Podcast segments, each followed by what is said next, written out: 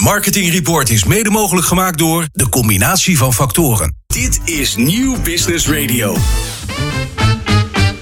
Marketeers vertellen hun beste verhalen hier in Marketing Report. Het programma over media, data, marketing, communicatie en technologie. Elke derde dinsdag van de maand van half zeven tot acht. Dit is Marketing Report, een initiatief van Mediabureau Zicht en Media Meetings. Met vandaag Ja, vandaag hebben wij eh, Marcel Belt onder andere van Marcel's Green Soap. Wie kent het niet?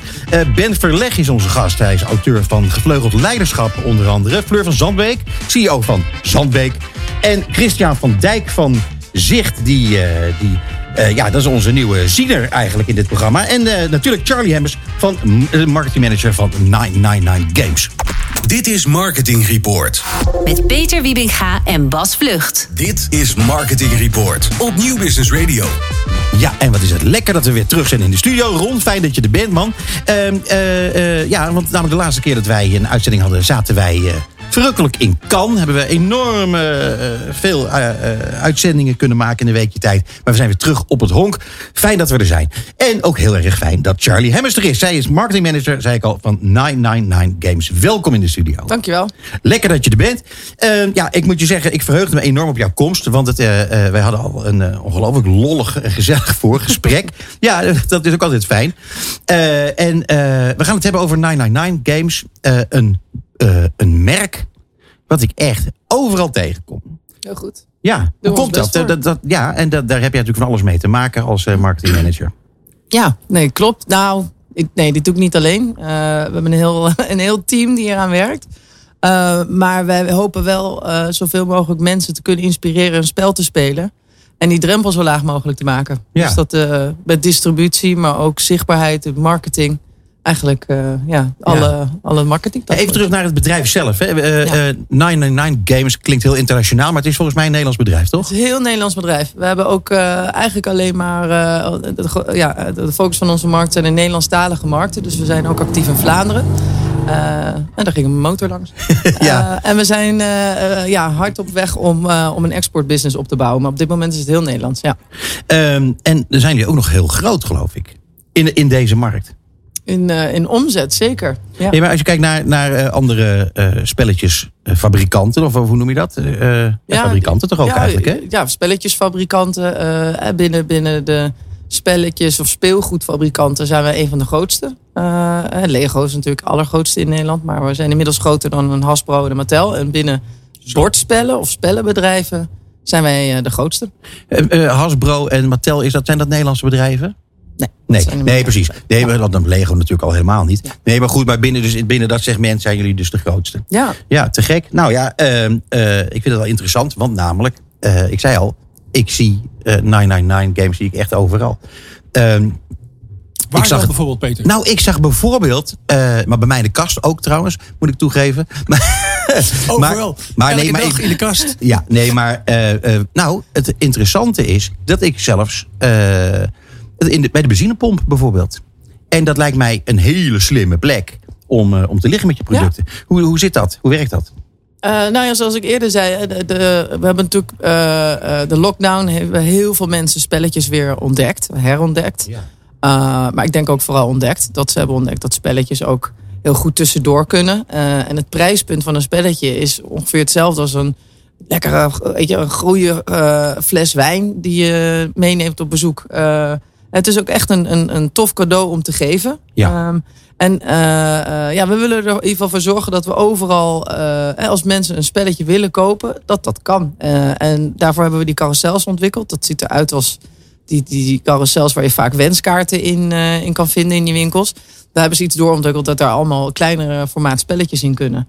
Ja, wat ik heel leuk vond, toen jij kwam hier binnen met een, uh, een tas, daar zaten spelletjes in. En je zei dus niet tegen de mensen van, uh, ja, moet je appie downloaden. Nee, je gaf het spelletje, want je, je kunt het vastpakken. Dat is ja. leuk. Het is ja. fysieks. Ja. Niet allemaal met digitaal. Heel leuk. Het is iets fysieks. En bij een spel, ik denk dat iedereen uh, happy memories heeft van vroeger. Weet je, spellen spelen is, is leuk, tenzij je mega slecht tegen verlies kan. Maar meestal is dat een uh, uh, heel, heel fijn geluksmoment. En, uh, ja, en, het, het, en het is een een starter voor een, een gezellig samen zijn. Het hoeft niet s'avonds, je kan altijd een spelletje spelen. Ik vind wel dat eh, niet tegen je verlies kunnen is wel een voorwaarde. Voor, voor de winnaar is het heel fijn. Het liefst met Monopoly. Op een gegeven moment, als je ja. bijna gewonnen hebt, dat iemand echt gewoon met zijn vuist het hele door het spel slaat en heel boos wegloopt. Heerlijk.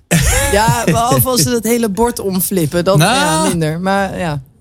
Is een mooie, het geeft wel een mooie in, eh, dynamiek, zeker. Ja. Nou ja, eh, bij jou thuis was dat toch ook zo? Dat jij Ah. eigenlijk... Daar Ja. was ik al bang voor, dat je helemaal begin.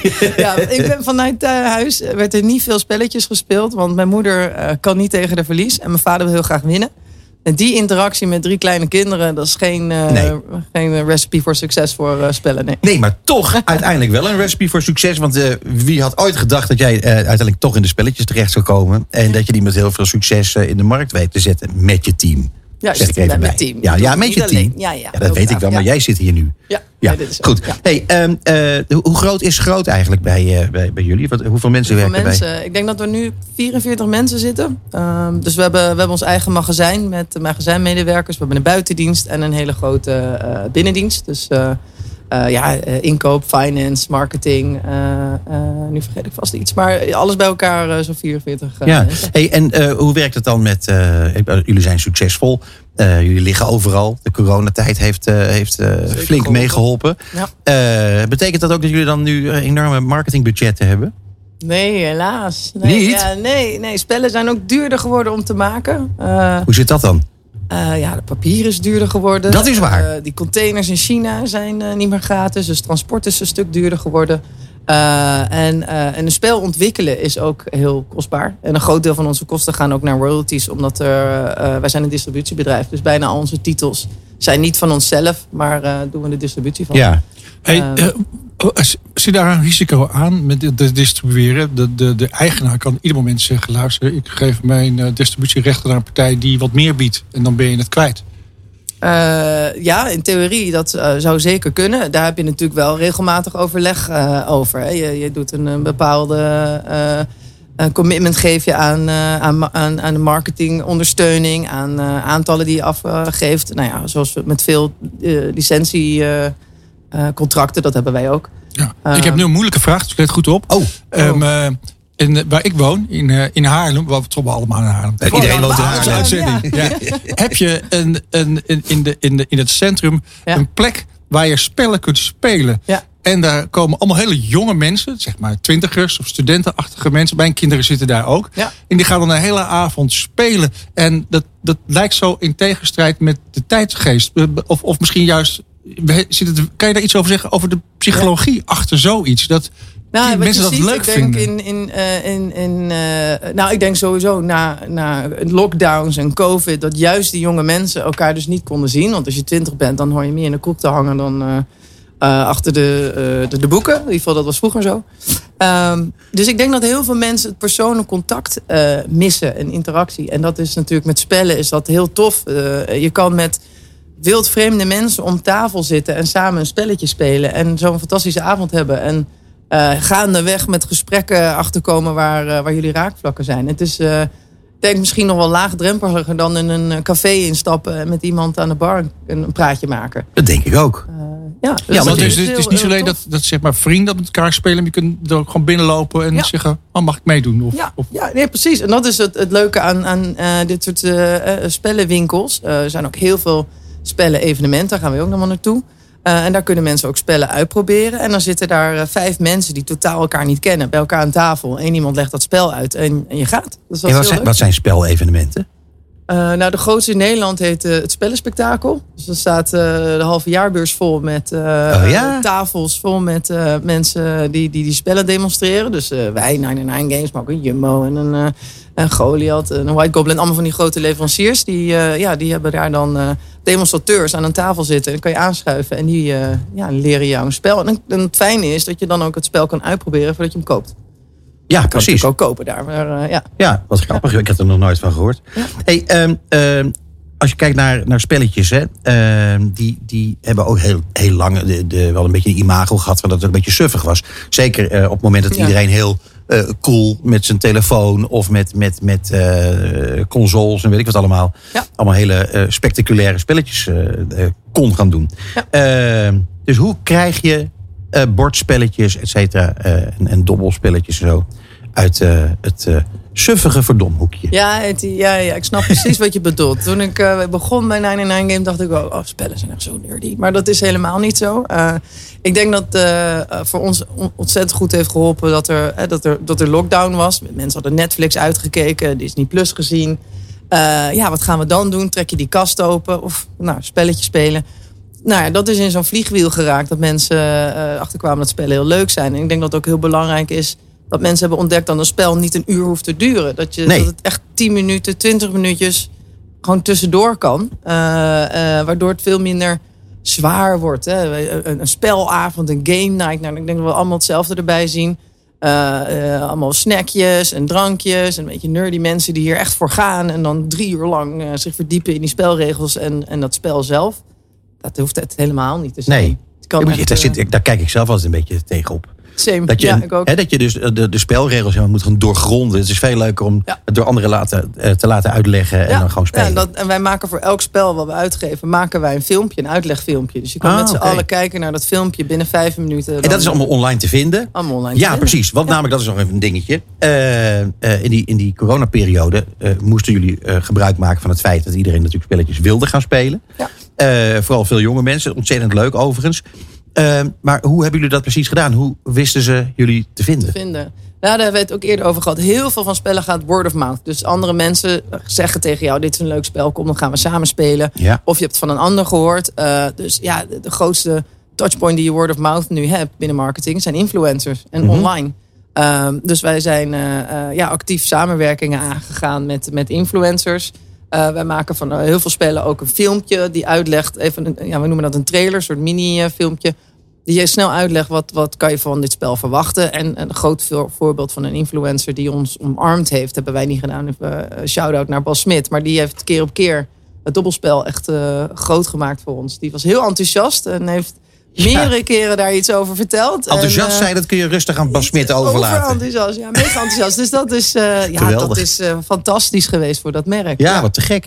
Ja. Vooral dat hij dat spontaan heeft gedaan. Ja. Ik bedoel, dat is, dat is fenomenaal. Ehm, ja, ik zou eigenlijk willen zeggen, tenslotte... ehm, welk spelletje vind je nou zelf het leukst? Of, maar je mag kiezen... Ja. eh, welk spelletje zou je aanraden aan alle luisterende marketeers om te gaan spelen? Of om te gaan kopen om te beginnen? Ja, En dan ja, te spelen. Ja, ja, precies. Die volgen er graag. Eh, nou, mijn, mijn, ik, ik ben dus niet een enorme spellen-expert. Dus als iets meer dan drie spelregels heeft en langer dan 20 minuten duurt, haak ik af. Mhm. Eh, dus het moet simpel zijn. Eh, ik vind zelf Ligretto een heel leuk spel. Dat is een eh, eh, soort reactiespel. Je speelt allemaal tegelijk en een rondje duurt twee minuten. Het is complete chaos. Alles gaat tegelijk. Oh, leuk. Eh, en, en ja, ik heb hem meegenomen. Dus kunnen straks nog even eh, oefenen. leuk. Maar dat is, dat is eh, ik hou wel van een beetje een spel met energie. Dat je kan schreeuwen en eh, een beetje fanatiek kan worden. Ja, Dus ja. En, dat, eh, is- en dat is ook iets waarvan je bij. zegt... Van, dat is voor die, al die marketeers eigenlijk ook wel een heel goed dingetje... om eventjes eh, Ja joh, dat is Even los te gaan. Dat is echt leuk. Eh, lunch en dan heb je altijd daarna dat, dat, eh, dat praatje... dat je nog even aan die lunchtafel op kantoor blijft hangen... om collegiaal te zijn. En dat is helemaal leuk. Soms. Nou, Ja, maar tof. soms is dat spelletje even 10 minuten ligretto. Ja, nog, nog een bonusvraag. Ja, Ja. korte Oh. bonusvraag. Zeg jij, zei in het begin je ging exporteren naar andere markten. Naar welke markten kijk je verlekkerd? De hele wereld. Nee, we willen heel graag. Nee, we willen. We Duitsland? willen nee, wat een hele grote markt is eh, in spellenwereld is Duitsland. Als je daar Ja. een, een, je eigen titel neer kan zetten, heb je een heel goede start voor de, de hele wereld. Ja, maar daar kolonisten ze de hele dag natuurlijk. Ja, precies. Ja, ja die, die, daar doen wij ook de distributie van. Dus dat is niet erg. Ja. Hey Charlie, eh, het was een feest om jou eh, bij ons in de studio te hebben. Eh, Ja, Charlie. Hemmers, dames en heren, marketingmanager 999 Games. En allemaal spelletjes spelen. Dit is Marketing Report op Nieuw Business Radio. Ja, en eh, naast mij zit nu eh, Marcel Belt. Hij is geestelijk vader en oprichter van Marcel's Green Soap. Welkom in de studio. Dank je. Nou, ik moet je zeggen eh, dat ik het eh, ontzettend leuk vind dat jij hier bij ons in de studio bent. Eh, niet in de laatste plaats, omdat wij, ons, eh, of dat wij elkaar de afgelopen weken gewoon bij voortduring tegenkomen. En elke keer op leuke plekken. Ja, dat, eh, nou, dat vond ik ook. Ja, hè? Dus, eh, Ja. Eh, als mensen mochten, zich mochten afvragen eh, eh, waar dat dan was. Nou ja, dat is gewoon in onze gezamenlijke woonplaats Haarlem. Waar we elkaar in de kroeg tegenkomen af en toe. Maar eh, ook bij de, tijdens het Noorse Jazz Festival eh, constant. hè? Ja, interessant. Zegt NoordCDS. Nou ja, dat is wel interessant als je toch praat over marketing. Moeten we ook een keer uitnodigen trouwens. Want eh, dat is gewoon een interessant verhaal. Maar we gaan het nu hebben over Marcel en over Marcel's Green Soap. Eh, het is een, een inspirerend verhaal. Eh, ik zat met Bas, mijn collega, in de auto. En die wist mij te vertellen dat op meerdere plekken in huis bij hen Marcel's Green Soap te vinden is. Nou, datzelfde geldt. Ja, het- heb je het gezien bij mij thuis? Heb je het gezien? Nog Dat- sterker zelfs. Al jarenlang vertel ik altijd tegen mijn vrouw wie onze gasten zijn. Dat, dat, dat levert tot geen enkele. En vandaag zei ze: Oh, doe hem de groeten. Ik ben een enorme fan. Nou, doe haar de hartelijke groeten Ja. terug. Maar dat is leuk, hè? Het, het, het is wel zo, Marcel, dat eh, jouw producten... die brengen op menig gezicht een glimlach teweeg. Hoe komt dat? Ja, dat is eigenlijk ook precies de bedoeling. Dus wij, eh, wij proberen duurzaamheid en verduurzaming... proberen we toch een beetje met een glimlach te doen. Mhm. Eh, wij noemen onszelf lichtgroen. Hè, dus we zitten niet de hele tijd met, met de wijsvinger van, eh, van koop ons en anders vergaat de wereld. Maar koop ons en, en dan word jij en de wereld er ook een beetje beter en gelukkiger van. Ja, en jij zelf natuurlijk ook wel een beetje. Ook een beetje, ja, Ja. zeker. Ja. Want, ja, ik vind dit een eh, fantastisch avontuur. Ik heb het gevoel alsof ik mijn eigen jongensboek aan het schrijven ben. Ik ben al vijf jaar bezig. En eh, ja, ik had vijf jaar geleden niet durven denken of dromen dat het zo groot zou worden als Ja, het nu geworden is. want wat heb jij hiervoor gedaan? Want jij bent, een, eh, jij bent wel een echte marketeer.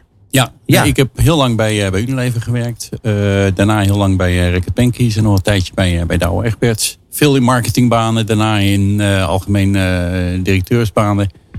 En toen ben ik in eind 2015 eh, met Marcel's Green Soap begonnen. Ja.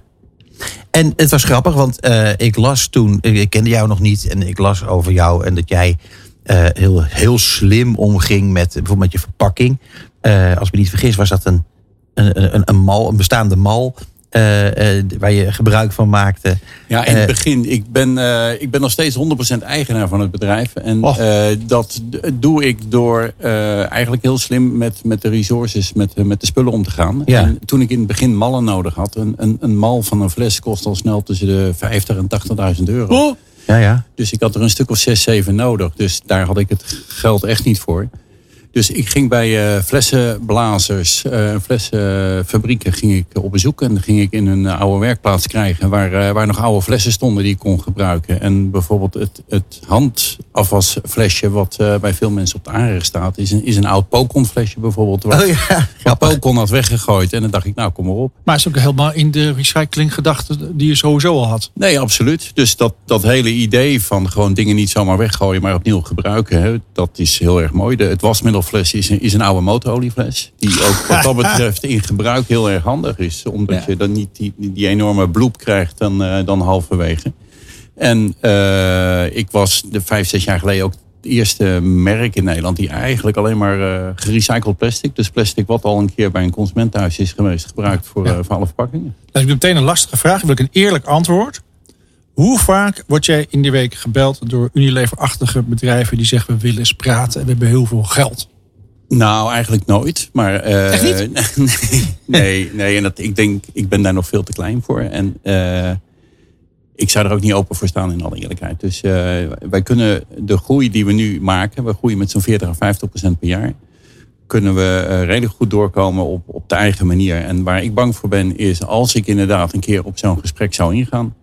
Ehm, dan kunnen wij niet meer doen wat we zelf willen. En dat is eigenlijk wel wat het succes tot nog Ja. toe bepaald heeft. En dat, Je, je bent lichtgroen en je, dat, dat vind ik fantastisch. Hè? Dus niet al te hard. Maar heb je toch ergens wel een berekening gemaakt dat wat jij nu doet, wat het, het maatschappelijk of het environment effect daarvan is? Of, of wat het oplevert in, ja, iets? Ja, zeker wel. Wij kiezen, wij kiezen thema's uit waar we gewoon vol voor gaan. En één voorbeeld daarvan is bijvoorbeeld recycled plastic. Eh, wij zetten inmiddels op jaarbasis zo'n eh, zo'n 10 miljoen flessen op de markt.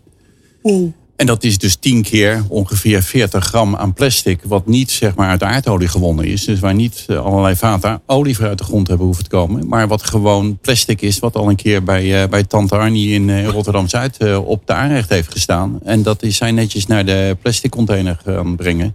En vervolgens hebben wij dat in onze partnership met Suez en AVR en een aantal andere partijen hebben wij gezorgd dat daar weer een mooie nieuwe fles van gemaakt wordt.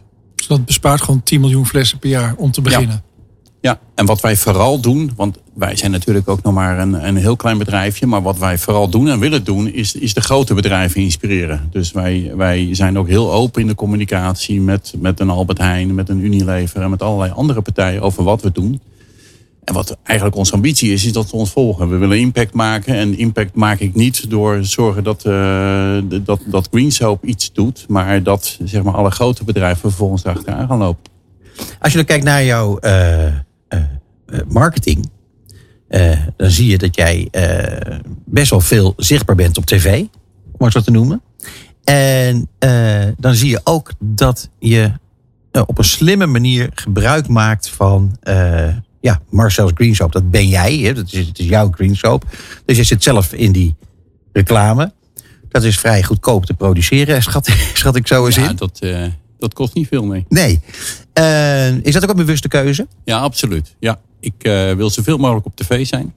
En ik vind het dus zonde om geld uit te geven aan, uh, aan, aan het inkopen van media, dat proces. Maar ook aan het produceren van, uh, van tv-commercials. Ja. Ik heb heel veel verhalen en boodschappen die ik wil vertellen over palmolievrije producten.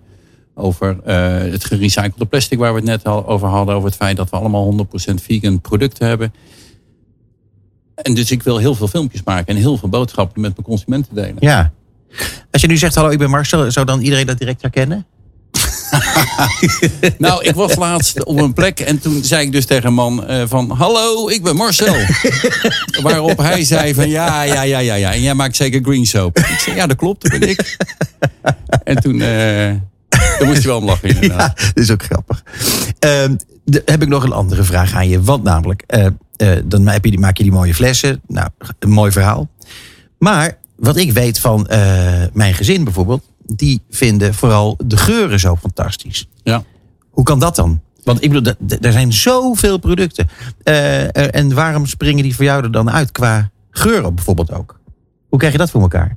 Ja, ik heb samen met een uh, parfumhuis hebben we een hele lijn aan uh, geuren ontwikkeld. En dat doen we eigenlijk nog steeds. Elk jaar komen we weer met nieuwe geuren en nieuwe combinaties. En wij proberen daar zoveel mogelijk natuurlijke geuren en natuurlijke oliën voor te gebruiken. Om inderdaad ook echt iets te hebben wat, wat, wat dicht bij de natuur staat en wat natuurlijk ruikt. Dus niet iets als uh, Ocean Breeze of, of, of dat ja, ja. soort dingen. Maar gewoon ingrediënten die ook benoemen. Hè, zoals uh, radijs of uh, sinaasappel en jasmijn of, of dat soort uh, componenten. En nu zeg je radijs, maar ruikt dat ergens naar? Ja, dat is een beetje, een beetje peperig. Ja, ja, oh ja? ja, ja, ja. Oh, grappig. Maar ik moet zeggen, ik heb daar een grote bewondering voor. Want wat ik net al aangaf, er zijn zo ontzettend veel producten in, in jouw segment. Ja. dat je dan zo ongelooflijk goed weet te onderscheiden. Nog even terug dan naar de, over onderscheiden gesproken, naar je tv-reclames. je bent ontzettend veel zichtbaar. Hoe uh, financier je dat dan? Want uh, veel reclame op tv, dat kost er ook een hele hoop geld. Ja, dat klopt. Nou, wij, uh, we, we groeien heel hard. En om die groei te blijven financieren, dat is een beetje het vliegwiel. Moet ik en moeten we gewoon in marketing blijven investeren. Dus ja. dat is super belangrijk. Dus ik doe daar alles aan om te voorkomen dat we dus op een gegeven moment in onze tv-uitingen gaan, uh, gaan knippen. Mm -hmm. uh, ook nu met de stijgende grondstofprijzen, waardoor inderdaad de, de marges flink onder druk staan, is dat vrij lastig. Ik heb geen private equity of, of andere externe financierders achter mij.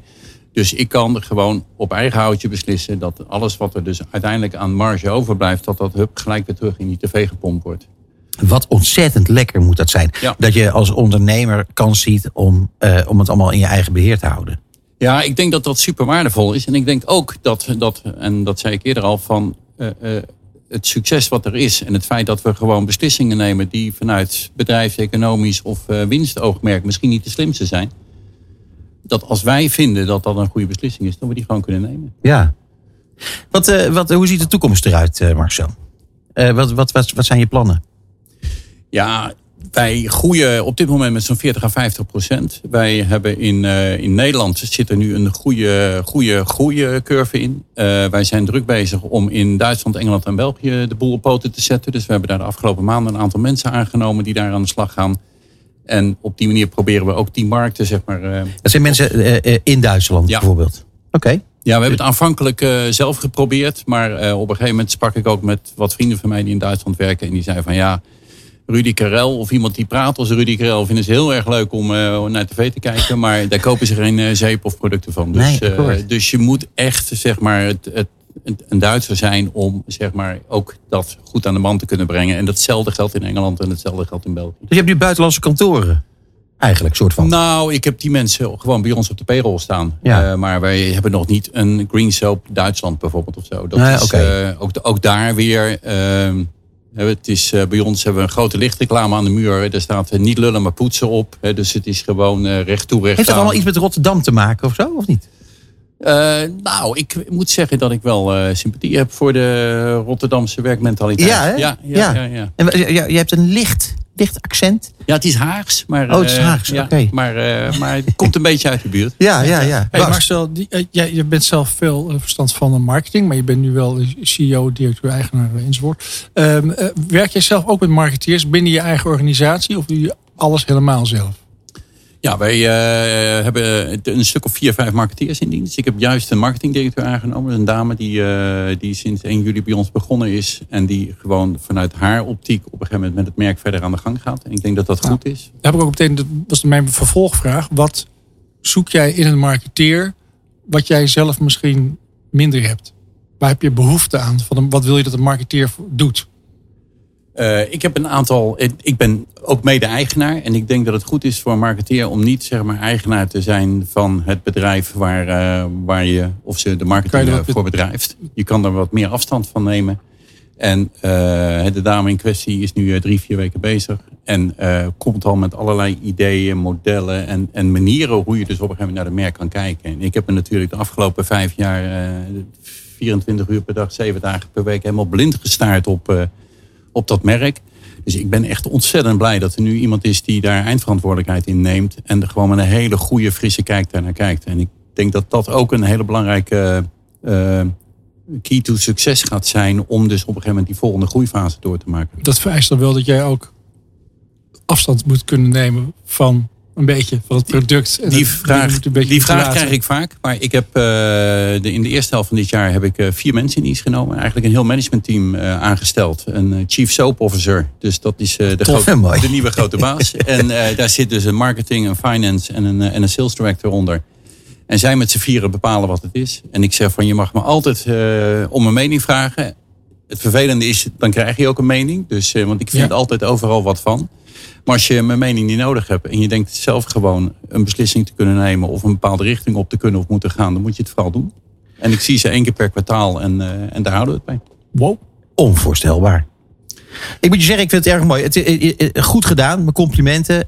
Je hebt het over afstand nemen van, van, van de marketing. Maar uiteindelijk is het natuurlijk ook zo dat je hebt niet alleen 24 uur per dag, 7 dagen per week aan die marketing zitten werken. Maar je hebt natuurlijk ook gewoon aan het product gewerkt. Je hebt gewoon het, het hele, niet alleen het merk, maar het hele product heb je helemaal in je eentje opgebouwd. Ja, klopt. Dus eh, nou ja, eh, dikke complimenten. Schitterend gedaan. En eh, wij blijven onze handjes wassen en, eh, en allerlei andere dingen. Ontzettend dank voor je komst naar de studio. En eh, we gaan, eh, op het succes drinken we nog een biertje. Graag gedaan. Dankjewel. Marcel Belt van Marcel's Green Soap. Marketing Report is mede mogelijk gemaakt door de combinatie van factoren. Dit is Nieuw Business Radio. Dit is Marketing Report op Nieuw Business Radio. Ik was alweer bijna te snel. We hebben in het tweede eh, deel van onze uitzending hebben wij te gast Fleur van Zandbeek, eh, CEO van Zandbeek. Ben Verleg, eh, auteur van Gevleugeld Leiderschap, is onze gast. En we gaan nu beginnen met Christian van Dijk van Zicht. Marketing Report. Zicht op media. Ja, Christian. Eh, wat een feest om jou in de studio te hebben. Eh, eh, kort geleden hadden wij dat nog helemaal niet verwacht. Want namelijk de ziener van Zicht... die al die jaren hier naast ons heeft gezeten... die het nieuws steeds heeft geduid... die heeft afscheid genomen van Zicht... of heeft bijna afscheid, afscheid genomen. Klopt. Die zit nu met zijn luie kont in Frankrijk, denk ik. Zeker. Ja, en dus wij verwelkomen jou, Christian van Dijk. Jij bent de nieuwe ziener van Zicht. Welkom, fijn dat je er bent. Dankjewel, dankjewel. Je legt de druk eh, bij mij. Ja, het waren al grote schoenen om te vullen. Je hebt ze nog iets groter gemaakt. Ja, maar nou, geen dat, dat was ook precies de bedoeling. Want het, we zitten hier natuurlijk niet voor de flauwekul. Nee, Eh, zeker niet. daarbij is het natuurlijk zo dat, dat bij Zicht zitten natuurlijk heel veel zieners. Ik bedoel, dat is ook de reden waarom klanten zo graag naar Zicht toe gaan. Ja, nog steeds denk ik. Ja. Dat zijn wij, eh, Ja, precies. zijn we al lang heel constant. Dus zie je het gewoon als een compliment. Dankjewel. Goed, Christian, waar gaan we het over hebben vandaag? Ja, ik heb eh, twee onderwerpen meegenomen voor, eh, eh, voor nu. Ehm, ik wil het heel even hebben dadelijk, want we beginnen even met een andere, maar over inderdaad de, de, de waarschuwingen die komen over de advertentiemarkt. Maar er is ook goed nieuws over het, het NMO.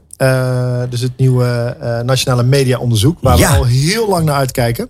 Ja, waar we het ook al een paar keer over hebben gehad in deze uitzending. Ja, dat blijft terugkomen. En dat komt omdat het nog steeds niet live is. Daarom blijft het denk ik terugkomen. Maar Ja. we, hebben een, eh, eh, we hebben daar wel een leuke, interessante update voor. Nou, eh, ik zou zeggen, laat maar komen. Onderwerp nummer 1. Het Zeker. Nationaal Media Onderzoek. Zal ik heel even teruggaan waar het over gaat? Het Ja, gaat graag. over kijken, luisteren, lezen en online. Dat moet in kaart worden gebracht. Een paar dingen gaan niet goed. Het printstuk, maar ook het doelgroeponderzoek wat erachter ligt. Dat gaat gewoon goed, ligt op schema. Komt ook omdat ze daar werken met steekproeven. Dus die voer je uit, heb je data, kun je er al meteen mee werken. Ehm, bij die andere onderdelen, daar zit wat vertraging. En dat heeft te maken met dat ze daar met panelonderzoek werken. nou, die panels moeten op orde zijn qua aantallen mensen die in het panel meedoen. En er moet een balans zijn. Dus je kan niet 100 mannen hebben als je 100 mensen nodig hebt. Nou, en daar zit het, eh, de moeilijkheid. Met name bij jongeren. Hoe krijg je jongeren mee in dit onderzoek? Dus die ze meedoen met het panel. Ik denk dat de crux daar zit eh, dat je een app moet downloaden die alles van je gaat volgen. Eh, Vraag aan jullie dan maar even. Zou jij nu een app downloaden waarin je alles blootgeeft over je online gedrag, maar ook over je luistergedrag? Nou, om te beginnen, hartelijk dank voor het compliment dat je mij een jongere vindt. Ehm, nou, ik weet niet of ik dat wel zo prettig zou vinden, eerlijk gezegd. Dus het antwoord is eh, nee. Nee, dat is dus een lastige. Dat bleek ook. Gelukkig hebben ze daar wel iets op gevonden. Zien ze dat de aanmeldingen beter gaan. Eh, alleen het betekent wel dat ze nu in de zomer wel nog even door moeten pakken om dat panel goed op orde te gaan Wat, krijgen. wat hebben ze erop gevonden dan? Eh, gekeken naar internationale landen om te kijken hoe zij het gedaan hebben. Eh betekent eigenlijk ook van oké, waar zitten jongeren zitten op social? Laten we dan ook een social campagne doen om de mensen daar te vinden. En dus op die manier over te halen. Ook vanuit internationaal gekeken, welke boodschap hebben ze daarvoor gebruikt? Is dat een hele platte verkoopboodschap? Of is dat toch meer triggerend van waar ga je nou aan meedoen? Oh, ik dacht je En dan- bedoelde dat de app niet meet als je op porno-sites komt, dat hij dan gewoon... eh, gewoon Hij meet alles. informatie Nee, Bas, hij meet, eh, hij meet in die zin alles. Dus eh, misschien zijn twee telefoons handig als je dat soort dingen gaat doen. Maar dat is dus een goede, goed iets. Ehm, TV eh, zijn ze eh, eigenlijk op schema met het, eh, het invoeren van nieuwe kastjes. We weten allemaal van die oude kastjes. Dat, dat heeft echt een verdieping nodig. Nou, dat gaat gelukkig goed. Maar het echte nieuws zit hem eigenlijk meer in twee andere dingen. Out of home vanuit het BRO, dus het buitenreclameonderzoek, gaat opgenomen worden in het nieuwe NMO. Heel goed nieuws. Heel goed nieuws. En Nielsen heeft ook eigenlijk een koppeling gevonden. Eh, en dat verrijkt het ook enorm. Dus buitenreclame toevoegen maakt het eh, eigenlijk helemaal compleet. Hè? Als je kijkt naar kijken, luisteren, lezen en online. Nou, dat, dat verkeer buiten is super belangrijk. Zeker nu in de zomer. We weten dat we allemaal buiten zitten. Dus we kunnen mensen daar bereiken. Eh Nielsen voegt iets moois toe waarbij we eigenlijk de gebruikers omzetten in ID's. En dat maakt het eigenlijk mogelijk dat je crossmediaal de mensen kan koppelen. Eh, zonder veel te technisch te worden. Eh, dit is heel interessant voor eh, eigenlijk de crossmediale media planning. Eh, en daar worden natuurlijk alle mediabureaus heel erg blij van. Ja, en klanten trouwens ook. Want je ziet natuurlijk dat de adverteerders eh, eh, eigenlijk vrijwel allemaal eh, het liefst crossmediaal werken. Omdat het zo effectief is. Ja, wij worden ook blij van, hè? Met onze Cross Media Awards. Kun je Zeker. hoe ver wij onze tijd vooruit waren, Peter? Nou ja, dat, nou, weet je, daar kan je op lachen. Maar dat is natuurlijk wel waar. Jullie zijn ook een soort zieners. Eh, nou ja, eh, ja eigenlijk wel. Ja, dankjewel. Nee, een maar, ik- compliment, maar, hè? maar wat- wel lekker is, Christian, dit is toch allemaal gewoon goed nieuws. Dit is zeker goed nieuws. Ja. En ik denk ook dat we na aanloop van... we zitten nu Q3, Q4 komt eraan. Dit gaat dadelijk in 2023 echt een vlucht nemen. Er wordt nu al schaduw getest. Dus er zijn al data eh, eh, pakketten beschikbaar waar naar gekeken wordt. En dit gaat zeker in 2023 snel, snel gelanceerd worden. Ja, en de financiering van een en ander, dat is allemaal geen punt. Dat, dat loopt allemaal lekker door. Eh, Oeh, dat durf ik even niks op de. Nou, Oké, nou, ik weet het Nee, die moet ik even laten. Ja, nee, geeft niet. Maar ik bedoel, het is, het is nogal niet niks. Dat, Ja, nog één vraagje, Christian, over dit. De, de, mensen zijn altijd bang dat het, als iets nieuws komt, dat het ook anders wordt. Ja. En dat er bepaalde mediumtypes, zeg maar, eh, altijd al verkeerd werden gemeten. Ja. En dat zal nu dan eindelijk blijken dat eh, bijvoorbeeld de radio niks voorstelt Ja. of iets anders. Is er al iets in de geruchtenmachine wat ergens op wijst welk mediumtype er lekker goed uitkomt? Nee, nee. Het is, eh, gemeten. dus er wordt al getest, dus er is al data beschikbaar. Eh, ik heb zelf nog niks vernomen over geruchten dat er dingen fout of, of eh, slechter uitgaan. Ik denk dat voorop staat de, de kwaliteit van meten en de tools die beschikbaar komen, die gaat omhoog. En dat moeten we gewoon omarmen. Ja. Nog één klein dingetje. Uh, mediabureaus die werken natuurlijk straks met die Ja. tools. Is dit voor de mediabureaus een, een verrijking van hun dienstverlening? Of wordt ook een beetje ook het gras voor hun voeten weggemaaid? Nee, dit is zeker een verrijking omdat gewoon de kwaliteit omhoog gaat. En dat was eh, zeer nodig. Ja. Ja. Nou, een mooie afsluiting van dit onderwerp wat mij betreft. Ja, tweede Want- onderwerp. Eh. Ik had hem al heel kort even aangestipt. Maar afgelopen maand zagen we toch al wat advertentie of wat, wat, wat berichten komen. Waarbij met name de grote internationale mediabureaus waarschuwingen geven. waarbij ze aan gaan geven dat de advertentieuitgaven dit jaar toch terugzakken. Ja. Er zit nog steeds een groei in. Maar ze hebben wel gezegd van oké, de prognose die we in januari gaven, die moeten we bijstellen. En die, eh, die gaat toch, eh, toch terug. En dat is eh, ehm, nou ja, opmerkelijk, omdat alle vier de grote bureaus daarmee gekomen zijn. Ja. Ehm, dat, we gaan ze eventjes zo verder op wat jullie eigen bevindingen zijn eh, bij Ja. Zicht. Ehm, wat zou nou het nut kunnen zijn van het naar buiten brengen van een onheilstijding als deze, dat eh, de verwachte groei eh, eh, dat die niet doorgaat, dat het gaat afnemen. Wat schieten die bureaus daarmee op? Nou, het kan zijn dat het eh, ehm, te maken heeft met de koppeling natuurlijk aan het zijn beursgenoteerde bedrijven. Ja. Dus daar zou het zeker mee kunnen te maken kunnen hebben als we zelf zien van hey, als we nu dit alsof waarschuwing geven, kan het een voorbode zijn uiteindelijk voor je eigen cijfers die je Ja. nog moet gaan publiceren. Ehm, wellicht Dat is het ook een- zo dat hè, de- het ja. kan ook zijn, het kan niet helemaal duiden dat het ook wel echt een trend is die zij zien en merken. Kanttekening die ik bij wel even moet plaatsen is dat dit, eh, ehm, hè, dit zijn persberichten en, en eigenlijk komt het uit onderzoek voort wat in, met name in Amerika gedraaid wordt. Mhm. Ze hebben daarbij wel aangegeven Amerika en wereldwijd. Dus er zijn twee cijfers afgegeven waarin die daling aangegeven wordt. Oké, dus eigenlijk is het eh, eh, nauwelijks representatief te noemen. Nou, het, is, het, het, roept vraagtekens op. Ja. Eh, en dat Nou, is vooral reden. het, omdat het, als dat hier gepubliceerd wordt door tal van mediapartijen. eh, ja, wat heb je daar dan aan? Dan ben je, dan, dan, dan, dan ben je bezig met een self-fulfilling prophecy misschien. Nou, dat kan het gevaar zijn. En daarom is het zeker iets om, om in de gaten te houden. Van oké, waar komt dit vandaan? Eh, de reden die ze aangeven voor die, die daling, dat heeft te maken, en dat, dat, dat kun je eigenlijk wel invullen. Oorlog in Oekraïne, politieke onrust, hoge inflatie. Eh, die zijn vrij logisch. En Dat, dat speelt eigenlijk overal. Eh, daar heeft de hele wereld inderdaad mee te maken. Maar ik denk wel dat het heel goed is om lokaal te kijken van oké, is dat hier ook het geval? Eh, internationale adverteerders hebben ook nog wel eens dat ze een policy hebben van oké, wij doen een bezuiniging. En dat Mhm. voeren we door over alle landen. Ondanks dat er misschien landen wel heel goed gaan. En dus daar moet je volgen in wat de, eigenlijk de moedermaatschappij zegt. Eh, dus het is wel even goed om te kijken van oké, wat gebeurt er in de lokale markt? En dat, dat hebben we ook wel proberen te doen. Dat is geen wetenschappelijk onderzoek, helemaal niet. Maar eh, ja, hoe staat het ervoor? nou, wij hebben eigenlijk in Nederland eh, zien wij dat het ook anders kan. En we zien met name dat bij lokale, dus nationale adverteerders, dat nog niet het geval is. Dat zij nog niet budgetten terug aan het trekken zijn. Of dat ze aanpassingen doen in, in die budgetten. Waar het artikel dus echt letterlijk over ging. Hè, dus de, de, de, de persberichten. Eh, dus dat is denk ik een heel goed teken. Dus Ja. misschien is het in Nederland helemaal nog niet zo relevant op dit moment. Eh, hè, dus de, de, de redenen die ze noemen, die zijn in Nederland natuurlijk ook. Ja, Alleen wat we wel zien, eh, is dat er nog geen maatregelen genomen zijn. Of nog geen veranderingen zijn. Die een negatief effect hebben op die, die bestedingen. ja dus, dus over de hele linie zien jullie niets wat erop wijst dat, eh, dat dit klopt voor de Nederlandse markt. Nou, niets is, is eh, eh, iets te zwart-wit. Eh, tuurlijk zijn adverteerders en, en ook wij als mediabureau natuurlijk bezig om eh, eh, te kijken naar van oké, moeten we hierop inspelen en moet je aanpassingen doen in je mediaplannen. Mhm. Eh, maar de aanpassingen zitten niet zozeer in het verlagen van de budgetten. Nee. En dat, dat zien wij niet gebeuren. Als je ook kijkt naar- goed nieuws, hè? Want jullie werken natuurlijk heel veel met Nederlandse partijen natuurlijk. Ja, vanuit, vanuit zicht, ja, inderdaad, veel meer met, met Nederlandse partijen dan met echt Maar dat is internationale. op zich interessant detail. Nee, Ja, en het is denk ik te vroeg om daar meteen conclusies aan te trekken. Dat moet ik er wel bij zeggen. Maar het is een heel interessant signaal om dat, eh, dat te zien. Ik denk ook dat als je kijkt naar de, nee, aan de exploitantenzijde, eh daar is nog steeds die mediaschaarste speelt ook nog steeds.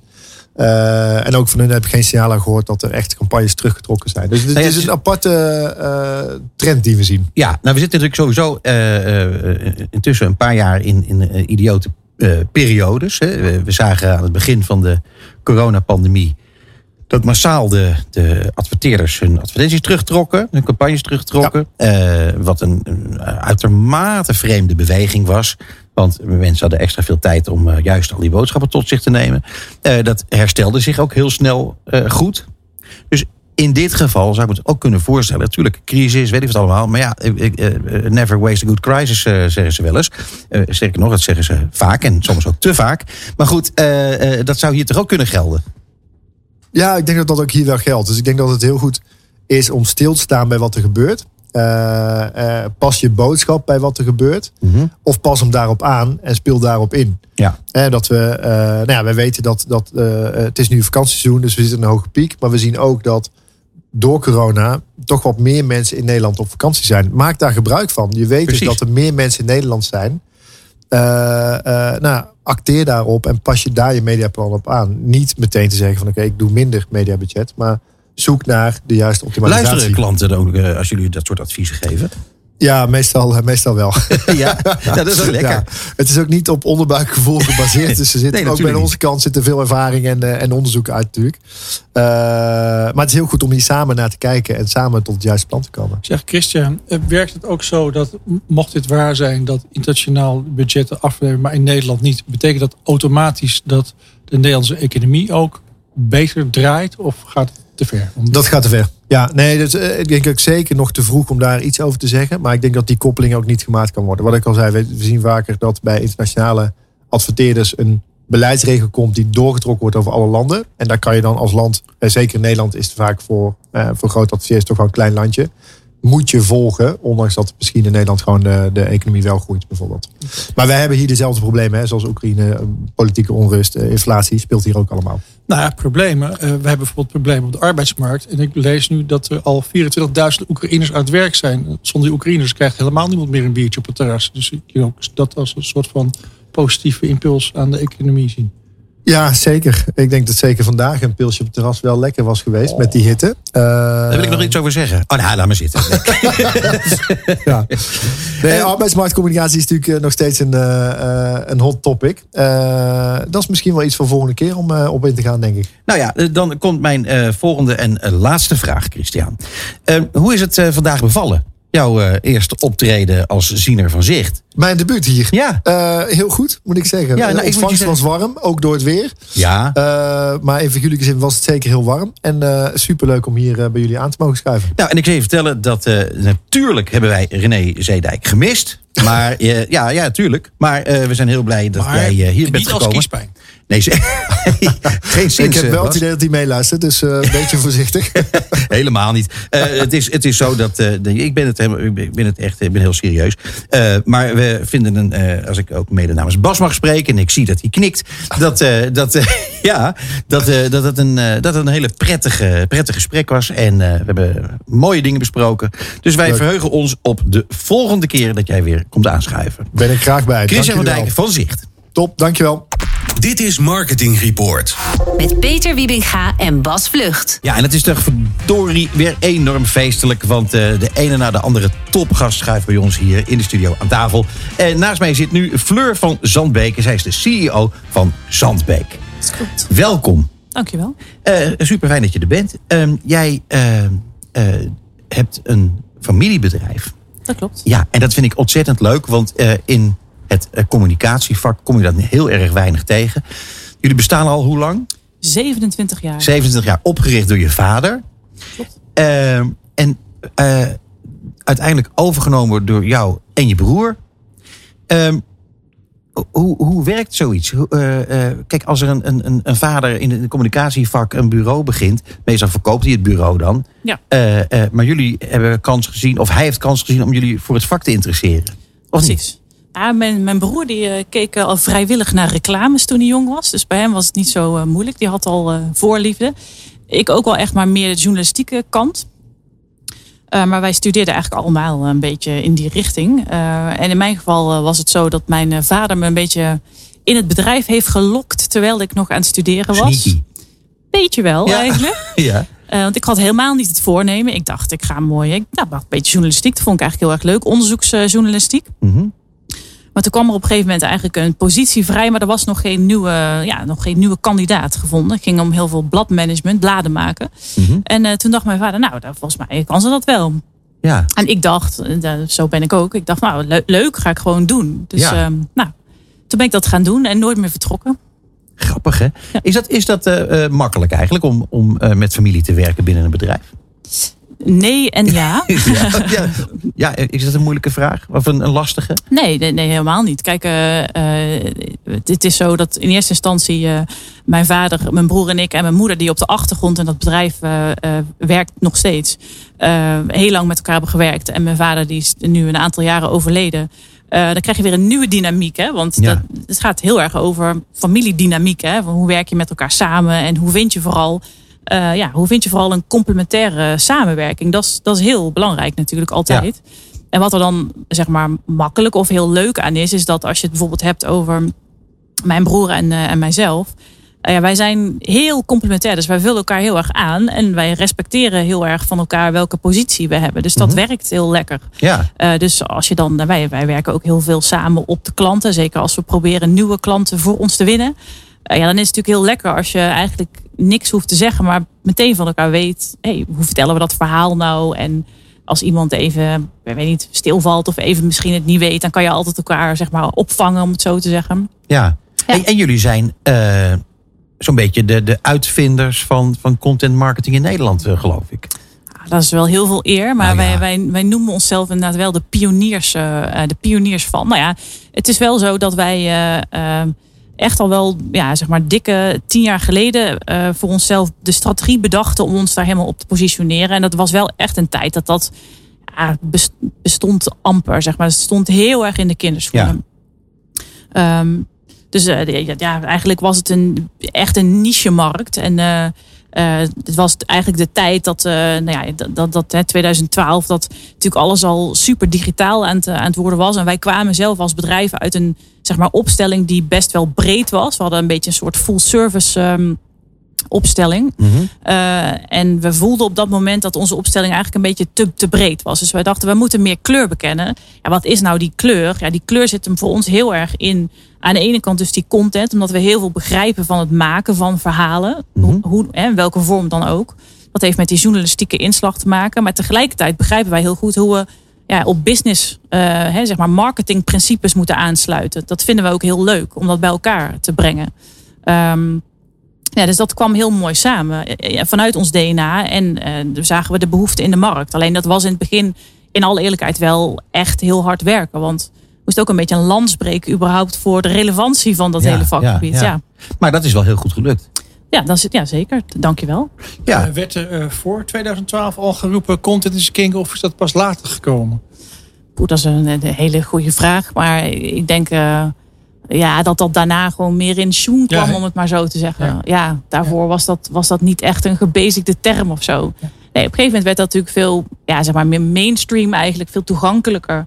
Ehm, waarmee het tegelijkertijd ook lastiger hè, wordt, eh, ook voor ons, om, om natuurlijk je positie te, te houden. Maar het is tegelijkertijd heel goed, omdat uiteindelijk de omvang van dat speelveld is veel groter. Waardoor het ook nou ja, eigenlijk interessanter is om te kijken wat kun je er allemaal onderscharen. Dat vinden wij de kunst. Hè. Uite- Uiteindelijk gaat het erom hoe maak je hele onderscheidende, inspirerende, mooie verhalen. Ehm, en dan maakt het niet uit in welke vorm ze, hè, ze, ze worden gegoten.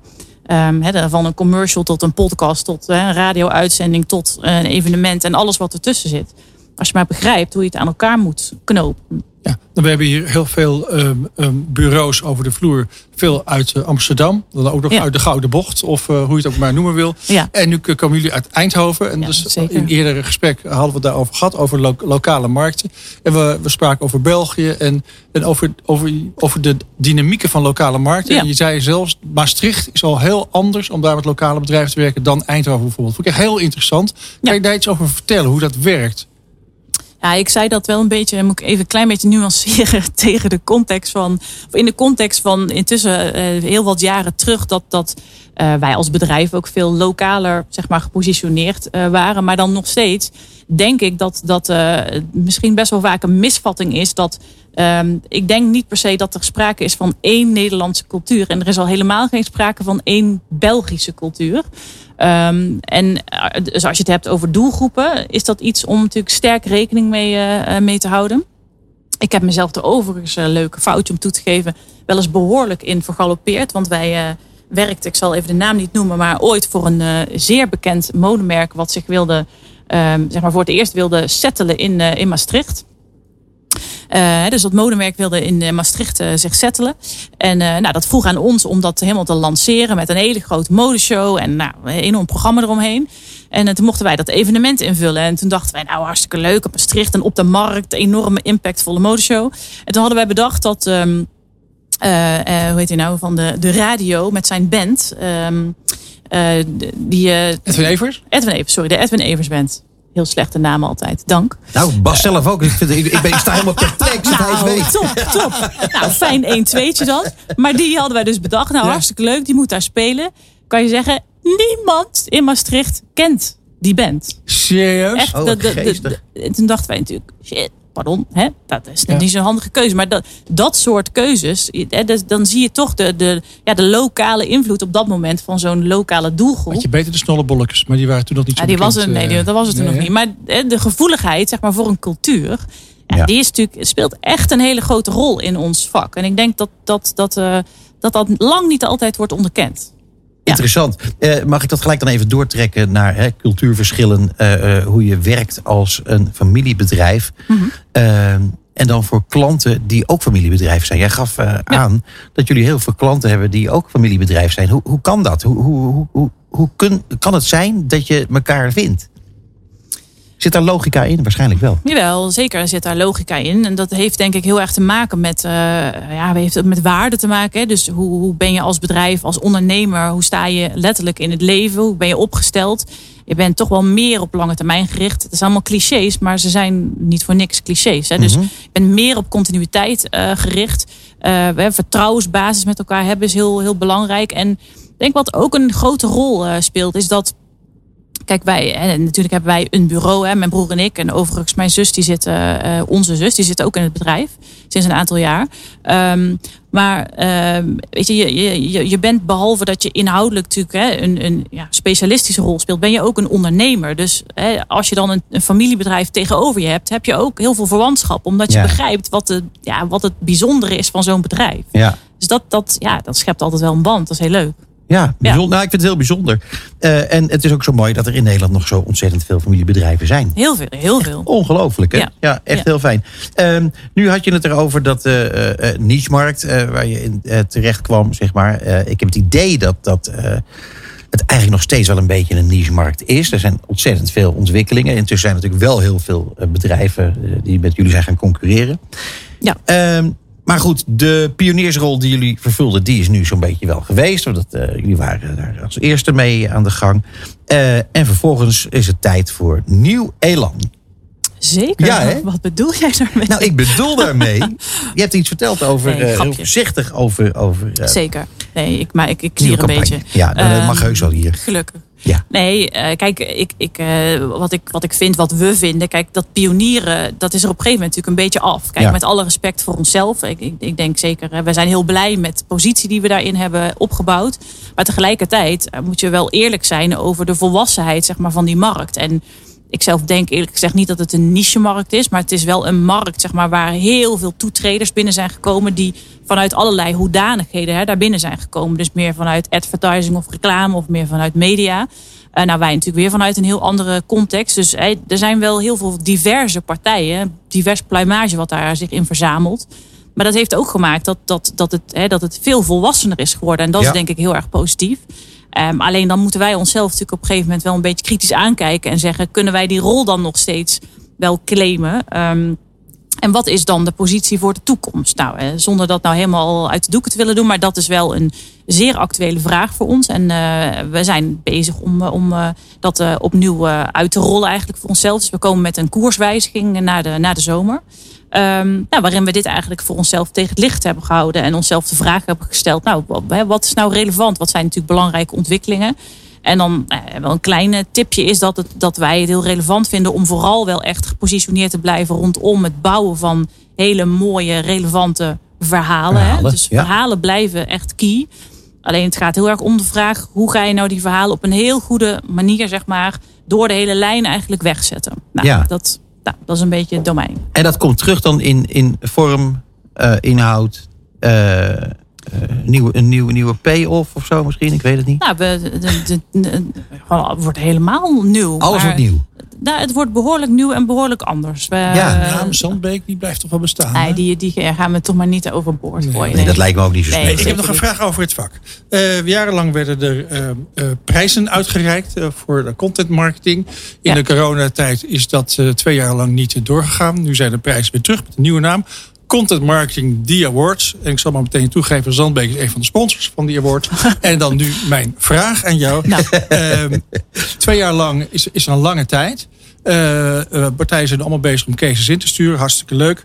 Ehm, hoe is dat vak in die twee jaar veranderd? Ga je nu ander werk insturen dan je twee jaar geleden deed? Of is het gewoon het trucje nog hetzelfde gebleven?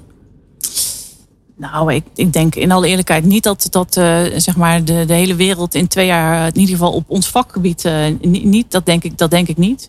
Ehm, maar natuurlijk is het wel zo, dat is het leuke van ons vak, is dat, eh, en, en ook hoe wij het proberen te benaderen, is dat je probeert voortdurend nieuwe elementen toe te voegen zeg maar, aan, ja, zeg maar, aan het spectrum van je, van je dienstverlening, van je werk. Dus ehm, ja, ik denk wel dat wij, wij komen nu wel echt met hele andere cases dan we twee jaar geleden zouden hebben willen inzenden. Ja. En dan moet je denken, maar wat, bijvoorbeeld, eh, podcast, influencer, social. eh, Nou ja, bijvoorbeeld iets waar, waar we op eh, gaan inzenden is, ik zal even niet zeg maar nog het merk noemen, maar eigenlijk hebben we een soort educatief programma bedacht, maar wat helemaal rondom een spelelement is ingezet om eigenlijk jonge doelgroepen te mobiliseren om nou, dingen te leren. En hoe kan je nou met content marketing ja, kinderen zeg maar, iets leren om vervolgens ook weer in dit geval hun ouders te mobiliseren? Dat, dat, daar hebben we over nagedacht. Maar dat is echt een ja, live experience, zeg maar, een soort nou, game eigenlijk eh, ehm, die we hebben uitgedacht. Ja. Ja, wat, wat, interessant. Wat, we interessant ook vandaag in de uitzending zien, is dat hè, we hadden bijvoorbeeld 999 Games hadden we Ja, hier aan ja. tafel. Het, het- jarenlang was het eh, digitaler en nog digitaler en nog digitaler. En het lijkt nu wel eens van kentering te komen voor ja, maar bij elkaar zitten, iets samen iets doen, is ook heel waardevol. Ja, dat is natuurlijk ja, dat is een dooddoener. Maar dat, dat denk dat we daar met z'n allen wel achter zijn gekomen door de achterliggende, hè, de, de periode van corona. Eh, en dat is niet alleen wat je natuurlijk in je dagelijkse werk hè, zelf ervaart. Maar je, ja, je merkt dat ook in hoe je met, met elkaar wil samenwerken. Hoe je met klanten samenwerkt. Hoe dingen tot stand komen. En, en, en dat betekent natuurlijk dat wij, wij zijn mensen. Wij hebben behoefte aan elkaar te zien. En daar zit heel veel chemie omheen. Dan ontstaat er iets hè, wat je niet digitaal op dezelfde manier tot stand kan brengen. En ik denk dat dat wel iets is wat, ehm, eh, ja, wat ook wel een tijdje een beetje te veel in de schaduw heeft gestaan. Zeg maar. Dus de even, even- evenementenkant, de ja, zeg maar gewoon live experience kant. Wij- Wij zelf eh, geloven daar heel erg in. Ja. Ik heb nog Ja. één klein vraagje, als het mag. Kijk, eh, mag Ja, mag- heel mag- kort, Heel, heel kort vraag. Ja, ja. Jij zei van, eh, jij eh, samen met jouw broer is een complementair. Je broer heet overigens Jasper, voor de, voor de mensen dat niet precies weten die nog luisteren. En eh, het, het grappige is, dan zou je zeggen, denk, nou ben jij misschien wat extra Je bent nooit zo goed in korte vragen. Maar Jasper is ook heel communicatief, net zoals jij. In die zin, je vult elkaar wel aan, maar het is niet zo dat het nou wel, water en vuur is of zo. Hè? Jullie zijn heel outgoing en, en heel... eh ja, Het is meer een constatering dan een vraag, Bas. Dat is een vraag. Nee, het is een Maar constatering. wil je weten wat wel heel verschillend is? is de... Daar kan ik ook heel veel over. Nou ja, in ons bedrijf hebben wij heel verschillende eh rol. Kijk, wij zijn allebei heel erg van de inhoud. In de zin dat we heel veel bezig zijn met het bedenken van hè, zeg maar, concepten en strategieën voor klanten. Daar hebben we wel genuanceerd een andere rol. Maar als je dan echt kijkt naar het verschil, is mijn broer nog veel meer echt bezig met het maken, zeg maar. En ik ben ook veel Ja, meer bezig het met. Nou ja, ik, Als CEO. ja, nou ja, ik heb, een, ik heb inderdaad en een rol zeg maar, om te zorgen dat ons bedrijf hè, gewoon het een beetje fatsoenlijk ruilt en zelt iedere dag. Ehm, en dat die dingen niet alleen maar bedenkt, maar ook implementeert. Dat is natuurlijk eh, heel belangrijk. Maar ik ben bijvoorbeeld zelf ook heel veel bezig met. ehm, je kunt dingen bedenken, maar hoe rol je ze ook succesvol uit op klanten? En wel, hoe organiseer je dat dan, zeg maar? Hè? Dat, is, dus ja, dat is veel meer de organisatiekant ook op de klant. Ja. Nou ja, tenslotte. ehm hebben het nog gehad over het feit dat je eh, aangaf dat er in het vakgebied eh, nog wel een manco zit. Dat het veel te veel naar binnen gericht is.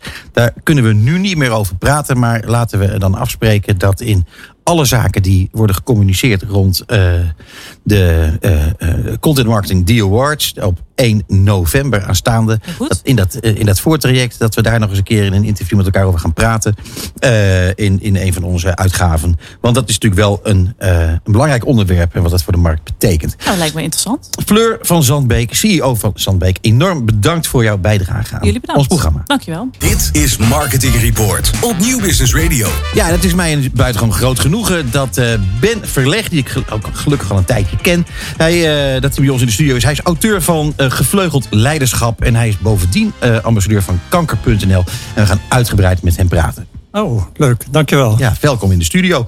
Eh, ben, ja, wij, wij kennen elkaar al een tijdje. Jij eh, bent natuurlijk een, eh, een, laten we zeggen, een van de wat meer intelligente mensen in ons land. Eh,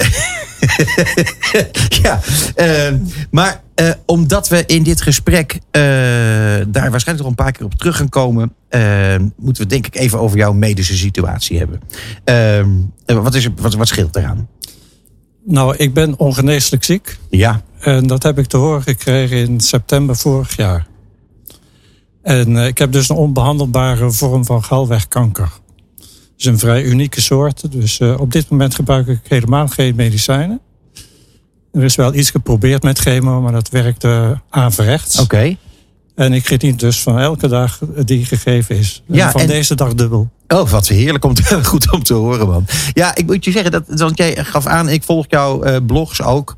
eh, eh, eh, dat jij hier nu naast ons zit, dat is tamelijk uniek te noemen, omdat ze jou veel korter de tijd hadden ge- gegeven, eigenlijk. Ja, Qua voorspelling. Dat dat klopt. In oktober zeiden ze te verwachten twee tot zes maanden. Ja. Die zijn inmiddels verstreken. Ja. En, En je ziet er goed uit, vind ik eerlijk gezegd. Ja, dankjewel. Ja. En ik mag het afkloppen dat ik tot dusver geen pijn heb. Dus ik heb ook geen pijnmedicatie nog nodig. Supergoed om te horen. Ja. Jij hebt een, eh, een boek eh, herschreven, eh, Gevleugeld Leiderschap. Dat boek heb jij twaalf jaar geleden, als ik het goed heb, heb je dat geschreven. Een, een, een buitengewoon interessant verhaal. Ehm, jij vertelde dat je eigenlijk nooit een bucketlist hebt gehad. Maar dat er toch de, door de situatie waar je in verzeild raakte, toch één op die lijst terecht kwam. En dat was het eigenlijk een beetje het heruitgeven van dit boek. eh, het herschrijven van een deel. En dat zit, toevoegingen. ja, het zit eh, zo dat als je. Toen ik die diagnose kreeg. Dan, eh, toen heb ik me meteen afgevraagd dat wil ik nog doen. En ja, zoals de meeste, dan wil je vooral leuke dingen doen. Ja, En ik heb ontzettend goede herinneringen aan dat, die eerste versie van 2010. Dat vond ik ontzettend leuk om te maken. ja. Alleen dat was een beetje amateuristisch gemaakt. En eh, ik heb er vaak te horen gekregen: kun je dat niet opnieuw uitgeven, maar dan veel beter en mooier. En dat ligt nu op tafel. Maar daar had je dus, eh, laten we zeggen, voor de onheilstijding niet zoveel zin in nog. Nee, toen ben ik altijd met, steeds met andere Met dingen nieuwe bezig dingen bezig, geweest. ja, altijd precies, met ja. nieuwe dingen. Ja, nou ja, dat is Ja. eh, zo zie je dat er dan eh, bij dit soort akelige dingen toch ook alweer wat positieve effecten zich eh, laten zien. Ja, dat hangt er vanaf hoe je het waardeert wat je op tafel hebt. Nou ja, ik heb het nog niet helemaal gelezen, maar ik heb er wel al aardig wat in gelezen. En ik vind het heel interessant. Ik begrijp nog niet alles, moet ik eerlijk zeggen. En wat ik heel leuk vond, is dat jij zei... eh, dat, eh, de- je hebt 15 mei de presentatie van je boek gedaan. Eh, hè, dat was aan de ene kant een halve herdenkingsbijeenkomst voor jouzelf. Mhm. Daar werd ge- de vraag gesteld van welke vogel ben jij dan zelf? En toen, toen was het antwoord dat jij divers, maar ik, Ja. ik heb. eh, 25 vogels geloof ik, hè? je verandert in de loop van de tijd ook. Hè? Ja, Oh ja, ik heb toen vrienden gevraagd om mij te beschrijven Ja. door het perspectief van een vogel. Ja, klopt. eh, Er komen 25 varianten uit naar voren. Dus dat is. dus jij bent eh, eigenlijk gewoon, eh, eh, laten we zeggen, als je naar dit boek kijkt, waar je eh, eh, eigenlijk eh, de verschillende vormen van leiderschap of persoonlijkheid eh, zou kunnen koppelen aan een vogel, ben jij eigenlijk van, van het hele spulletje de meest vreemde vogel. Nou ja, dat laat ik aan Nou ja, jou. 25 verschillende, hé. Nou. ja, nee, maar ik moet toch iets eh, anders daarover vertellen. Want Oké, destijds eh, ben ik daarmee begonnen eh, toen ik, ik was met een promotieonderzoek bezig. Ja. En daarin even vastgelopen. Maar intussen had ik zoveel bestudeerd en kennis. Dat ik dacht van, ja, ik wil daar iets anders mee doen dan een theoretisch betoog maken. ja. Laat ik proberen om een vorm te vinden om dingen uit te leggen op een andere manier. En toen was ik eh, op eh Texel. En werd meegenomen door de boswachter van Natuurmonumenten, Erik Menkveld, naar het Wad. En die vertelde mij van alles over de lepelaarkolonie daar. En eh, om een lang verhaal kort te maken, ik zag daar parallellen met waar ik toen interesse in had. Het, eh, wat we noemen horizontaal leiderschap. Mhm. En dat heb ik toen uitgewerkt, heb ik beschreven. En daarna hebben we me afgevraagd, zou je dat nou bij meer vogels kunnen Ja. op die manier? En eh, ja, dat is dus dat boek geworden. Was jij voor die tijd al een beetje een vogelaar? Of, of is dit echt ontstaan? Want je bent nu wel een vogelaar geworden, denk ik. Een beetje. Ja, ik, dat was ik helemaal niet. Ik wist er niks van. Maar ja, zodra je er eh, werk van maakt, eh, gaat het eigenlijk vanzelf. Ja. En dan eh, leer je elke keer bij. En tot mijn eigen verwondering kun je dus bij heel veel vogelsoorten parallellen maken eh, met het menselijk gedrag in termen van leiderschap. En eh, ja, ik, eh, wat ik daarin probeer uit te leggen, wat zijn de verschillen daarin? En wanneer moet je nou welke stijl toepassen? Ja. En het grappige is, ik heb een test gemaakt. Ik vind het zelf heel grappig. Achterin het, achterin het boek. Ja. Wat voor vogel ben jij? Ja. En het advies is, als je dit boek bekijkt, om eerst die test in te vullen. En dan vanuit je voorkeurvogel te gaan kijken wat je daarvan herkent of niet. En eh, zo verder te gaan. En dan terug te lezen welke theoretische grondslagen daaraan verbonden zouden kunnen zijn. Het is verdomde interessant. Ik, eh, ik heb een aantal vogels eh, inmiddels bestudeerd in, jouw in jouw boek. Ik heb die test ook nog even gedaan vanmorgen. die moet ik je heel eerlijk zeggen dat ik daar toch bij wel een, een vrij groot aantal verschillende vogels uitkwam. Heel goed. Dus eh, nou ja, ik moet dat allemaal nog eens wat beter eh, gaan uitzoeken. Maar ik moet je zeggen, ik vind de, de, het uitgangspunt, de, de, de onderzoeksvragen ongelooflijk interessant en boeiend. Ehm, je hebt het in dit boek eh, zowel over eh, eh, situationeel leiderschap. En je hebt het over de kleurenleer. Ja. Hoe, hoe verhoudt zich dat tot elkaar, eh, specifiek in dit verhaal? Nou, dat zijn twee van de, de, eh, meer bekende theorieën die je kan eh, gebruiken om naar eh, typen leiderschap te kijken. En nou, die worden kort uitgelegd en die kun je dan toepassen in het vervolg. Dus je kan ook andere. Ik, van- vanmiddag vertelde iemand mij over ken je de methode van Insights. Ja, toevallig wel. Dat heeft dan zes kleuren. En ik pas vijf kleuren toe. Ja. Nou, maar ja, dan is het een uitnodiging om die theorie ook toe te passen op diezelfde beschrijving van de vogels.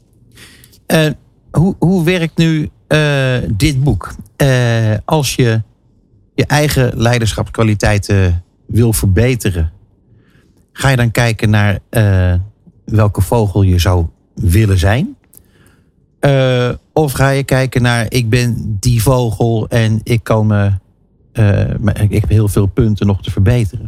Nou ja, dat, hangt, dat is nou een persoonlijke visie. Als je mij eh, zelf zou ik zeggen, ga niet proberen steeds iets anders te proberen dan je eigenlijk in essentie bent. Dus als jij van nature, om het zo te zeggen, hè, een roodborst bent, Ja. probeer dan niet een adelaar te zijn. Dat is een te groot verschil.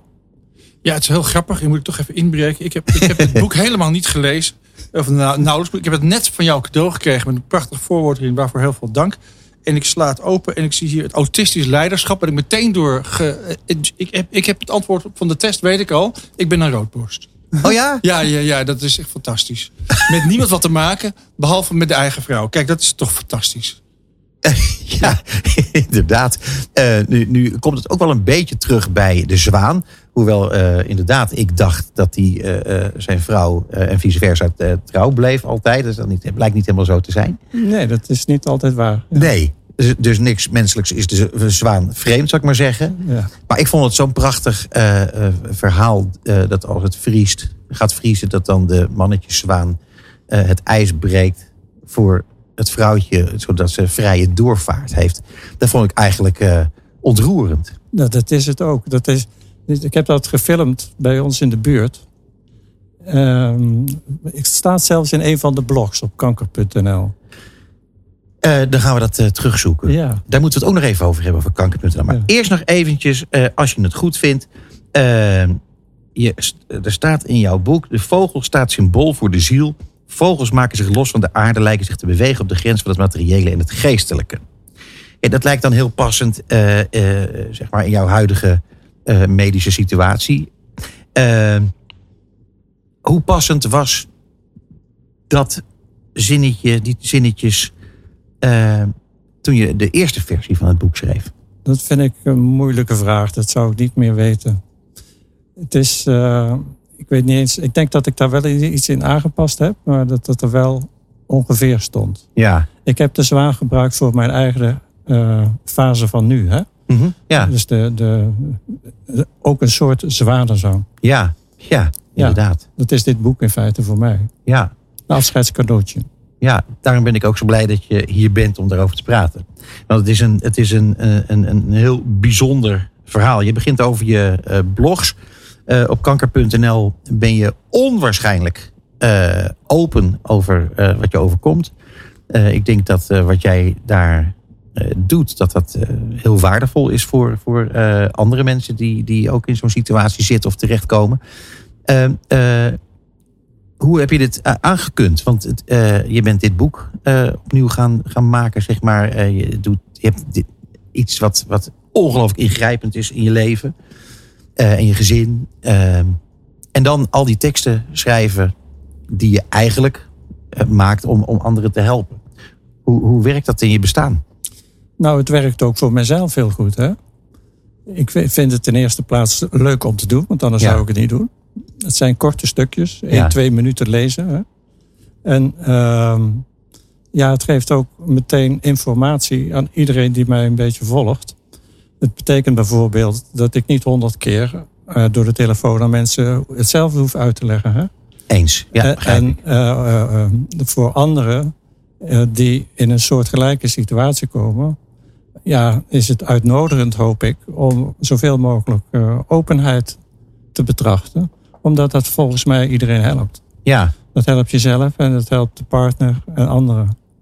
Nou ja, ik, ik heb met mijn goede vriend Piet Paulusma meegemaakt. Die heeft tot het allerlaatste moment heeft hij, het verzwegen. Ja, dat is niet de enige. Nee, nee nou goed, dat zei jij inderdaad al. Hoeveel, ja. hoeveel mensen bij benadering kiezen ervoor om niks te zeggen? Nou, globaal, ik heb het niet, weet ik niet precies, maar ik heb globaal, als je die blogs allemaal leest en de verhalen van Barbara van Beukering, die ja. daar uh, twee boeken over gepubliceerd heeft, en je telt het op, dan uh, schat ik dat zeker driekwart van de mensen daar heel geheimzinnig over doet, tot op het laatst. Ja. Voorbeelden van mensen die pas twee dagen van het, uh, voor het overlijden hun kinderen vertellen wat de situatie is, bijvoorbeeld. Ja, het is, ik bedoel, uh, ieder heeft natuurlijk zijn, maakt zijn eigen keuze. het lijkt mij heel eenzaam als je, die, als je het zo doet. Ja. Heb je, heb je, krijg je reacties op, jou, op jouw blogs? Ja, ontzettend. Dus dat kan ook op die site, maar ik krijg vooral heel veel in de eigen mailbox en in de app. Ja, en wat, en wat, wat kom je daar dan tegen? al alleen maar steun eigenlijk. Hè? Ja. ja. Maar ook, ook mensen die, die in dezelfde situatie zitten, die een andere keuze hebben gemaakt dan ze eerst van plan waren? Nou, dat durf ik niet te zeggen, maar wel mensen die zeggen dat een aantal van mijn blogs hun geholpen heeft om een besluit te nemen over bijvoorbeeld wel of niet nog een chemo te willen. Ja, kwaliteit van leven. Dat, zo, dat dilemma heb ik ook bijvoorbeeld besproken. Ja. Uh, maar ja, ik ga niet zo ver om te zeggen wat, wat een geweldige invloed heeft. Nou ja, ik weet het niet. Ik, bedoel, het, het, het is, uh, ik moet je zeggen dat ik hoop dat, dat ik niet in die situatie terechtkom. De kans is natuurlijk redelijk groot dat heel veel mensen krijgen uiteindelijk kanker ik leer hier wel heel veel van, eerlijk gezegd, wat, er, wat jij hebt opgeschreven. Uh, het maakt het, ik denk dat het het makkelijker maakt. Ik hoop het. Dat, ja. is, dat is al een hele mooie toegevoegde waarde en dat geeft zin. Hè? Ja, nee, zo is het. Nou ja, en de, uh, er, wordt, er gebeurt natuurlijk meer op die, op die kanker.nl site. maar ik geloof wel dat, dat jouw jouw verhaal, de manier waarop je schrijft, je kan natuurlijk goed schrijven. Dat dat wel een stevige impact heeft. In elk geval, dat is de conclusie die ik maar even trek voor mezelf. Bas, moet je eens gaan lezen, jongen. Dat is heel interessant. Um, um, ja, jij um, gaf ook aan... denk goed na wat je wel en niet wil aan het eind van je leven. Ja. dat, dat, en wacht daar niet te lang mee. Nee, precies. Wat, wat, wat kun je daarover zeggen? want dat, heeft, dat, dat slaat ergens op natuurlijk op specifieke nou, situaties? Ik, ik, nogmaals, ik weet het ook niet allemaal hoe, hoe, het precies voor anderen zit. Maar ik vrees dat veel mensen er pas over na gaan denken als het zover is. En uh, dat kan heel snel gaan. Ik heb nou geluk bij een ongeluk dat het langer duurt dan uh, aanvankelijk uh, gedacht voor mij. Dus ik heb meer tijd. Maar net zo goed had het veel korter geduurd. Ja. En had ik dus onvoldoende tijd gehad om dingen te regelen die je nou eenmaal moet regelen. Ja, ja. En dat is, ja, dan zit nabestaande alleen maar met een groter probleem.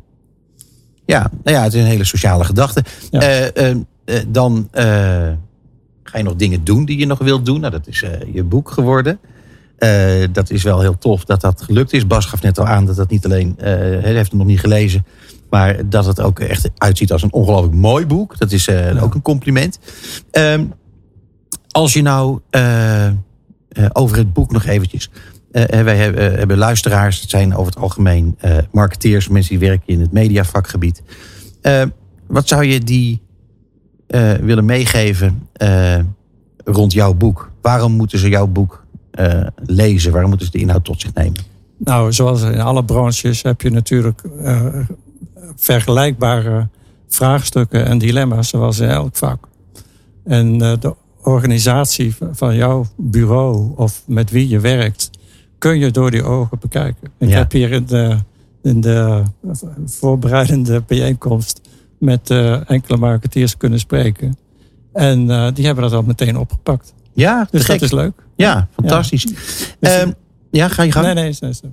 Nou ja, nee, ik, ik, ehm, eh, ik wilde eigenlijk jou vragen: van, is er nog iets wat, wat, wat je wilt zeggen rondom het boek of een advies aan mensen om, om op te pakken naar aanleiding van, van wat je hier allemaal hebt eh, ontdekt? Want dat is eigenlijk een ontdekkingsreis geweest. Ja, dus eh, in het boek zitten samengebald in feite al mijn inzichten die ik in de loop van mijn leven heb opgedaan op het gebied van organisatie en leidinggeven. Mhm. De essentie daarvan is dat al die indelingen die er gemaakt worden door consultants zijn bedoeld als instrument of als hulpmiddel om beter te kunnen kijken. Ja, Zo kun je het gebruiken. Maar mijn persoonlijke visie, voeg ik eraan toe, is dat je in feite alle vogelsoorten moet kunnen inzetten om het optimaal voor elkaar te krijgen. ja, prachtig. En dat noem ik dus gevleugeld leiderschap. Ja, erg mooi Ben. Eh, ik herhaal nog maar eventjes. Eh, denk goed na wat je wel niet aan het eind van je leven wil. Eh, ik ben vereerd dat je... dat ons gesprek hier, dat dat in elk geval iets is wat, jij, eh, wat je wilde. En het is eh, in de handel verkrijgbaar. Het is overal te bestellen. Ja, wij gaan dat eh, ook overal op onze website en overal gaan we dat laten zien.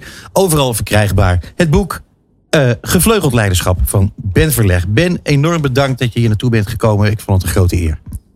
Zeer bedankt. Ja, mensen. Ik zou zeggen, kopen dat boek. want Het is echt waanzinnig interessant. Ehm, ja, eh, en lees de blogs eh, van Ben eh, op kanker.nl. Dat is allemaal veel minder akelig dan je zou denken. Bas, Ja. het was weer een bijzondere uitzending. Ja, ik ben er wel een beetje stil van. Als je het niet erg vindt. Ik vond het een hele mooi en goed en indrukwekkend interview. Dank aan Ben en Peter. Complimenten aan jou. Dat mag ook wel een keer gezegd worden. Het was echt heel fijn en een goed gesprek. Nou, je. dat vond ik zelf eigenlijk ook. Maar ja, dat hebben we natuurlijk weer een band te danken. want Die maakt het ons allemaal heel gemakkelijk. Ehm, ja, nou ja, Fleur van Zandbeek. eh, het was een heerlijk gesprek. Eh, we hebben haar beloofd dat, ze, dat we daar nog over gaan doorpraten. eh, eh, eh, in geschrift. eh, via onze, onze eh, nieuwsbrieven, et cetera. In de richting van, eh, van, het, eh, ja, van de awards die er aan zitten te komen op Ja, 1 ik vond november. het gesprek met Marcel eh, ook heel fijn. Ja, Marcel van, de, van Marcel's Green Dat is toch leuk. Het is gewoon een, een, een, een droom, hè? Nou, een ondernemer. eh, en die gewoon zijn eigen bedrijf vast weet te houden. Ja, maar over, over het maken van keuzes als je iets, iets, iets verder eh, in je carrière bent. En dan zeg je, weet je wat, ik ga gewoon een palmolievrije zeep maken. En Ja joh, dan het is eh, fantastisch. 10, miljoen, 10 miljoen gerecyclede flesjes per jaar verkopen. Fantastisch, echt leuk. Ja, nou ja, en dan nog eventjes eh, Charlie, Charlie Hemmers. Eh, wat een, wat een ongelooflijke, vrolijke, vrolijke eh, marketeer hadden wij met haar in de uitzending. Eh, heel grappig, 99 Games, Nederlands bedrijf, uitermate succesvol. En wat is het toch sympathiek om spelletjes te spelen. Ja, een goede naam. Hè? In feite een soort van inverse van de sprookjes van 1001 nacht, dacht ik. Oh, nou, die? Heb je niet zo niet gezien? Ik wel. Ik Ik, zag het zo. Ja. Ja. Nou ja, goed. Maar eh, alles bij elkaar mogen wij in ons handjes knijpen, Bas. Dat, dat we een fantastische uitzending hebben mogen maken met Ja. eh, allemaal topmensen. En een nieuwe ziener van Zicht, Christian. Die heeft het fantastisch gedaan. Dus ik verheug me op de volgende. Ja, ik zou zeggen, volgende maand weer. Ja, inderdaad, gaan we doen. In augustus. Luisteraars, dank voor het luisteren vanavond weer. En wij eh, treffen elkaar ofwel ergens eh, in het land met mooi werk wat iedereen maakt. En wij zien elkaar en luisteren naar. Of nee, wij gaan jullie toespreken vanaf de radio in augustus. Dankjewel. Dit is Marketing Report op Nieuw Business Radio.